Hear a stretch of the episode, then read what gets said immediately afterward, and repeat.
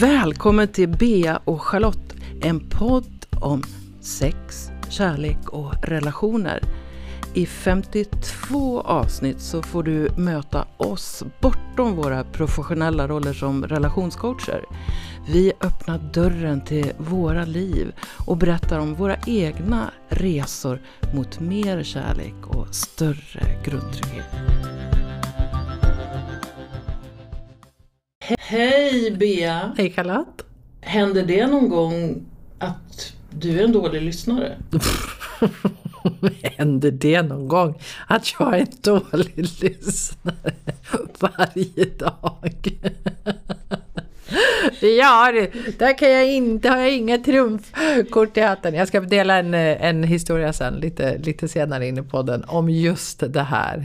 Min, min, det här är min akilleshäl alltså. Ah. Mm.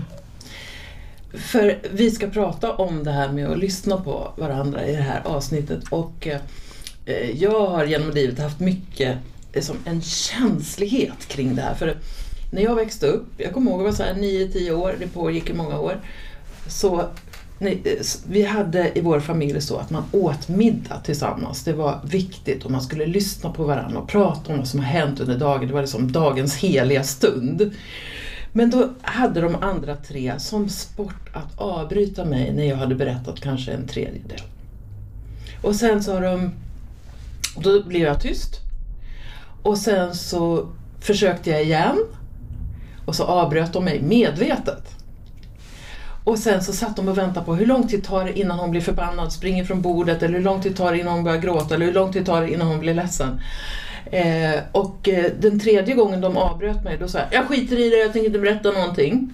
Och så var jag ju liksom ledsen jättelänge eh, för det.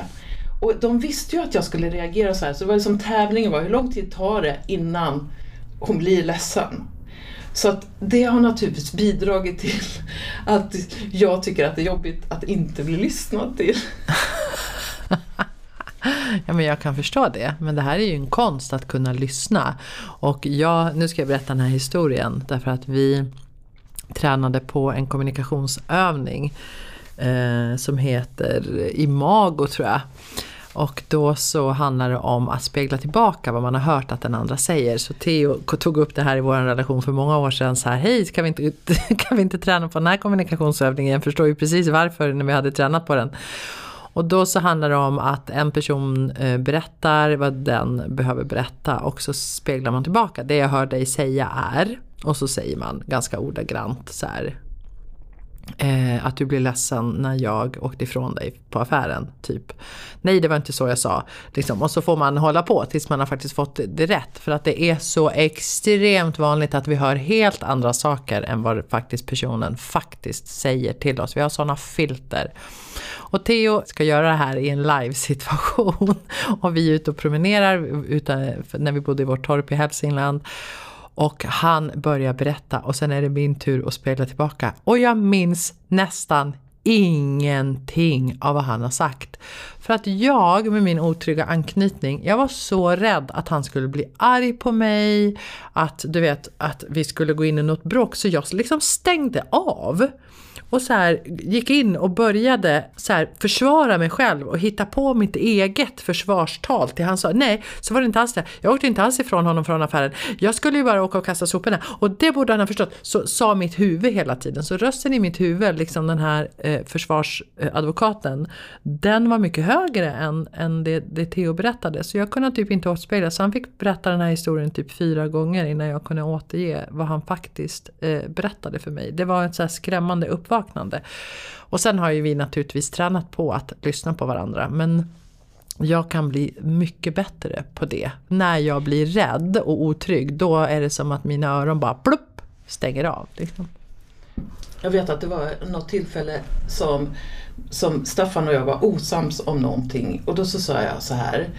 Nu säger jag det här, sen vill jag att du upprepar vad jag säger. Och vi försökte tre eller fyra gånger men eh, det var som att vi båda var för triggade för det. Så vi, alltså vi, eh, det var som att ah, alltså man kan till och med höra vad, vad andra säger. Men om man är triggad så kan det vara som att man ändå vrider till det lite grann just det där samtalet så skulle jag vilja haft på bandspelare för att lyssna på det efteråt i, i studiesyfte för oss själva och se hur, hur man kan krångla till det. Men det där, Imago, det tycker jag är en, som en bra modell att träna verkligen på att höra vad den andra säger för någonting. Jag har också le, levt mycket i sammanhang där det är mycket samtal och så och enda sättet att få ordet det är i princip att ta det på inandningen. När någon så passar man på och då är det som att typ alla sitter så här och väntar på det där och de kanske inte vill följa med i samtalet egentligen utan de vill bryta fram sitt eget. Till exempel man kommer ha kommit hem från jobbet båda två och båda vill berätta om sin dag. Och så är det bara som en pingpongmatch där båda pratar om sin dag och ingen lyssnar på varandra men båda har behov av att få ut det. Det är inga följdfrågor utan det är bara så här, ja jag gjorde det och sen gjorde jag det och sen gjorde jag eh, det. Och, och eh, det är alltså, I och för sig så är det skönt att få ut energin och få säga det men känslan av att inte bli lyssnad till den gör ändå att eh, inte eh, känns så bra. Ja, men man känner sig inte sedd och viktig och validerad när man inte blir lyssnad på. Liksom. Och jag kan ju höra det med vissa personer när jag pratar med dem i telefon och de hummar. Precis som att de bekräftar, de säger, men de är inte där. De har liksom något automatiskt mm, Ja, fast de håller på med något helt... Det är som att man märker ju det när någon annan håller på. Oj, nej men nu håller ju du på med något annat. Liksom. Då är det ju ingen idé att vi pratar för jag, jag behöver någon som lyssnar på mig nu. Och jag tänker också att det här att lyssna är en konst. Liksom, och jag... Och, och, just att inte bli triggad eller försöka, liksom att mitt budskap är det viktigaste budskapet. Liksom. Och, och det jag har lärt mig verkligen eh, när jag har tränat på det här, det är att jag behöver vara nyfiken. Vad är det du egentligen försöker säga till mig? Och faktiskt ställa frågor om det. Är det så här du menar? Jaha, vad då? Blev du rädd? Okej, nej jag blev inte rädd. Nej, okej. Alltså förstår du? Så att jag, så här, jag är en aktiv lyssnare. För då känner sig också människor runt omkring mig sedda och bekräftade. Och det handlar ju också om att vara närvarande.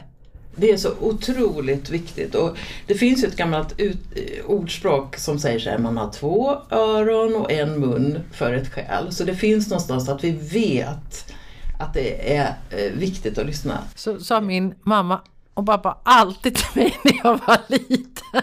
Mm. Jag tänker att det här med närvaron är också viktigt. För att eh, jag kommer ihåg då eh, alltså, om jag, säger, om jag säger till Staffan så här, nu har jag något viktigt att säga och så tittar han på TV. Och då så säger jag så här, titta på mig eller vrid ner ljudet på TVn. För annars så känns det som att uppmärksamheten inte är där eller jag har också varit med om eh, män som gömmer sig bakom tidningen och så säger jag så du kan jag åtminstone få ögonkontakt så jag har någon känsla av att du lyssnar? Ja men jag kan läsa tidningen samtidigt. Så det tänker jag att eh, någonting att träna på själv, att när någon annan vill ha din uppmärksamhet, be dig att lyssna. Att du inte gör något annat samtidigt. Speciellt inte titta ner i din telefon. Nej men precis och det där är ju liksom för, för mig så handlar det så här att också vi kan, det är en sak att höra vad någon annan säger och det är en annan sak att lyssna. Och lyssnandet för mig också handlar om att lyssna med hjärtat. Ja. Att också samtidigt se mimiken, tonen, ansiktsuttrycken, kroppsspråket. En människa pratar ju med så mycket mer än bara liksom sin röst. Så att när vi riktar uppmärksamheten mot en annan människa, ja men då lyssnar vi på riktigt. Jag hör ju så här, men vadå, men Charlotte du ser ju ledsen ut. Är du ledsen? Vadå? Alltså, så då, då lyssnar jag, då ser jag, tar in hela dig. Så att lyssna handlar ju på någonstans om att ta in en annan person. Och om då någon börjar prata med mig så, så kunde jag ju förut liksom uh, så. De började prata och jag var med i någonting och så, så liksom var jag inte närvarande. Och då så vet jag att en av mina kollegor som var anställda mig, hon sa det där någon gång så här, men Bea kan du inte titta upp från datorn eller någonting? Och då var jag med så här, ja men du, du kommer ju att prata med mig när jag sitter och gör något viktigt. Liksom. Och, men då lärde jag mig att säga, det passar inte nu. Mm. Nu kan jag inte vara en bra lyssnare. Eller så här, jag, jag har inte tid nu men du får jättegärna, jag kommer in till dig. Så, och det är okej. Okay. Man behöver inte bara för att någon vill att Eh, blir bli lyssnad på så behöver inte jag vara tillgänglig till det 24-7. Liksom. Men att faktiskt säga det då. Jag kan inte lyssna på dig just nu men jag ska bara göra klart det här så kan jag lyssna sen. För då kan du få min fulla uppmärksamhet. Jag har blivit ganska duktig på att uppmärksamma när jag själv förlorar i närvaro. Och då kan jag säga, sorry jag tappar bort dig en stund, kan du börja om där? Jag fastnade i mina tankar, jag ber om ursäkt. Istället för att låtsas som att jag hört allting. Och det tycker jag också öppnar upp en hel del. Sen, jag har jobbat som journalist i 40 år och jag har intervjuat otaliga människor. Jag har läst och alltså förberett mig hur mycket som helst på alla möjliga intervjuer. Och därför har jag ett annat poddprojekt som heter Charlottepodden. Där jag, där jag möter en person som jag är nyfiken på men ofta inte vet så mycket om. Och jag har inga förberedda frågor. Och skälet till det är att jag ska tvingas lyssna. Att jag ska vara en aktiv del av samtalet. Att jag ska kunna följa vart vi är på väg. Jag har ansvaret ändå. För att jag har sett ofta så här med journalister att man har tio frågor. Och så och så ställer man de frågorna och lyssnar ofta inte på svaret. Så kommer det något jätteintressant, man tänker åh, här behövs en följdfråga. Ingenting, det kommer bara nästa fråga. Och jag kan ju förstå att den här journalisten som till exempel sitter i direktsändning är nervös och vill göra ett bra jobb och så, men tappar bort det här med att lyssna. Och det märker ju i alla fall en tränad lyssnare, att bara, vänta, det är något som saknas här. Men jag tror att det att, att verkligen bestämma sig för att lyssna men också som du säger sätta gränser. Just nu har jag inte möjlighet eh, att göra det. Eller om du pratar nu så kommer jag inte vara helt koncentrerad. Så att, så att man anger på något sätt eh, förutsättningarna. Och ibland så tror jag så här, när det är människor som pratar väldigt mycket eh, så, så kan det finnas en rädsla för tystnaden. Och så kan det finnas en rädsla för vad ska den andra säga? Så det finns liksom eh, som, som människor det här är egentligen inte att lyssna på varandra för det här handlar om tvärtom. Men jag tycker ändå att det är ett intressant exempel. För jag hade en nära anhörig som under en period var skiträdd för att få frågor för att de skulle kunna göra ont. Och då tog hon istället bara pratade på i en halvtimme och det gick liksom inte att avbryta den där svadan. Så hon använde ord för att blockera liksom, eh, andra. Så, så det kan man ju se att, att liksom, orsaken till att man inte lyssnar kan vara att man är rädd. Ja men såklart. Så kan det ju vara också. Att, eh, det är precis som att, som jag sa att den här övningen som jag gjorde med Theo. Mm. Jag var ju rädd för kritik, att han skulle vara arg på mig och så vidare. Så jag var ju fullt upptagen att försvara mig i mitt eget huvud. Tills han bara hade sagt att han var klar och då skulle jag äntligen få berätta hur det faktiskt var. Men det handlar ju inte om hur det faktiskt är och det här är så himla intressant och jag och Theo gör det så ofta. Vi kan ha varit med om en sak som vi har uppfattat på två helt olika sätt. Såklart, vi är ju två olika människor. Såklart att vi har uppfattat det på två olika sätt. Han kan bli arg för mig på någonting och, och jag fattar inte vad det är. Mm. Och då gör ju vi då så, okej okay, då, då lyssnar vi på varandra. Ja men berätta hur det såg ut för dig då. Ja men jag tyckte att du gjorde så här och så här och, och du var arg när du kom in i rummet och så. Jag kanske inte alls hade varit arg men det var ju så han hade uppfattat det. Och då på något sätt är det ju helt logiskt att han blir ledsen eller arg på mig. Om han tror att jag har varit arg och stövlat in och avbrutit honom och så vidare. Och så var det någonting annat som hände i min värld. Så lyssnar jag på honom fullt ut. Och sen så säger, vi bara så här, men vad fint, nu ska du få höra hur det ser ut från mitt håll. Inte för att de tävlar utan för att de kan ligga bredvid varann. De här upplevelserna. Så här. För så här här såg det ut från mitt håll. Och så berättar jag, du vet, det var en orm ute på gården och då blev jag så rädd och så sprang jag in och så du vet så här, pappa, pappa, va? Var, förstår du? För att han har ju inte sett hela bilden, han har ju bara sett sin bild och jag har inte sett hans bild. Och så får de ligga bredvid varandra och då börjar vi ju ofta skratta eller så här, jaha, var det där du upplevde? Jag, jag upplevde det här liksom. Och det blir väldigt det leder ofta till att det aldrig går till konflikt. Liksom. Att vi inte kommer dit att vi ska börja bråka. För att annars så kan vi ju, våra konflikter handlar ofta om vem har rätt då? Mm. Ja fast du var ju arg, nej men jag var ju inte arg, jo det var du visst Och så gör vi, det, gör vi det här istället, det är så himla skönt. Vi gör liknande äh, saker och då kan man också lägga märke till att eh, Staffan kan reagera på mitt tonfall där jag inte menar att vara aggressiv till exempel och han hör det.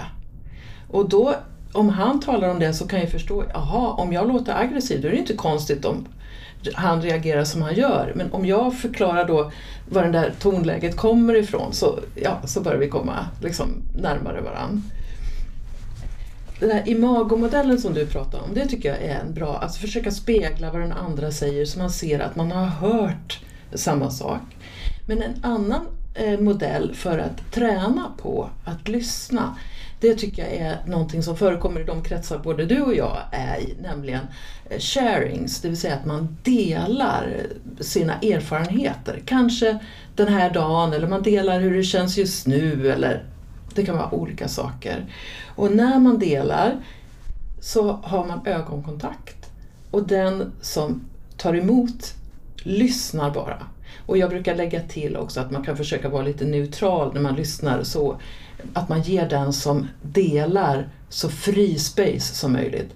För att om jag börjar nicka då kan den som delar känna att nu fick jag godkännande. Eller om jag, ja, så man kan också känna sig bedömd. Så att försöka vara lite neutral. Jag tycker att det är fint att ha så här en bestämd tid. Till exempel man har tre minuter var eller fem eller tio, vad som passar. Och då får man chansen att bli lyssnad till. Du vet när jag har kurser så finns det människor som gör den här, en enkel sharing på två minuter. Hur var den här övningen för mig? Och så är det som bara Wow, jag blev sedd! Så det tycker jag. Har, har du några bra så här, eh, lyssnarträningstips förutom de du redan har sagt? Nej, jag tycker delningen är jättebra eh, och att faktiskt träna på att spegla tillbaka. Mm. Får jag träna på dig nu, vem som helst? Eller träna, bara vem, det kan ju vara ett barn som pratar, de, de, de reagerar ju jättefint på det här. Eller en kollega eller så. så, så ja, men jag hör att du blev ledsen eh, i skolan idag. Är, är, det det, är det det du vill säga till mig? Då känner sig det här barnet verkligen sett. Eller kollegan eller så. Så börja också spegla tillbaka. Dela och spegla tillbaka det redskap eller övning som jag skulle vilja eh, ge nu, den har jag nämnt för, förut, jag är jag nästan säker på. Jag kallar den för femminutare. Och det är att man i till exempel ett par, det kan vara vänskap också, men säg att, man, att det har dykt upp någonting som man behöver processa eh, tillsammans. Då kan man säga, kan vi ta en femminutare? Och en femminutare är minst tio minuter, för det är två gånger fem minuter. Och, och då har man en gemensam fråga eh, senaste grälet eller vad det nu kan vara för någonting. Det kan vara vad som helst. Eller var vi ska åka på semester eller eh, svartsjuka eller det kan vara precis vad som helst. Och då när jag delar så har jag ögonkontakt med min partner och jag talar utifrån mig själv. När det där hände så blev jag ledsen eller ja, så. Det är jag-budskap. Inte du-budskap. Och sen så, eh, och den, den som lyssnar, dens roll är att inte börja förbereda vad den ska säga under sina fem minuter, utan verkligen lyssna. Och sen så byter man om. Och det jag, jag har gjort den där många gånger också privat och då har det visat sig att det som min partner säger är ofta inte alls det som jag har varit rädd för eller väntat mig utan det kommer fram någonting helt annat. Och det är också fint på fem minuter så kan det vara så att eh, en van babblare kan babbla på i fem minuter. Men det kan också vara så att det tar slut efter två, tre minuter. Och då kan man vara i tystnad en liten stund för du har ändå dina fem minuter. Och då efter en liten stund så kan det bubbla upp någonting som aldrig brukar komma till ytan innan bara för att man blir avbruten eller det blir inte läge. Så träna på att göra fem minuter. Jag, jag tror att det kommer öka er skill att lyssna på varandra och känna dig lyssnad till. Jätte, jättefin övning. Den funkar väldigt, väldigt bra. Så, vad ska vi prata om nästa vecka? Har vi någon Vanliga aning? frågor till relation. Ja men precis, vi har ju precis lite frågor ska vi svara på ja, Mm. nästa vecka. Jättefint, då ses vi då.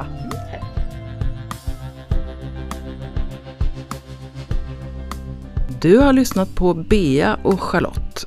Nästa vecka väntar ett nytt spännande avsnitt. Och se till att prenumerera på podden så kan du höra alla 52 avsnitten. Och Bea hittar du på trainingforlove.com och Charlotte på charlottekronqvist.org.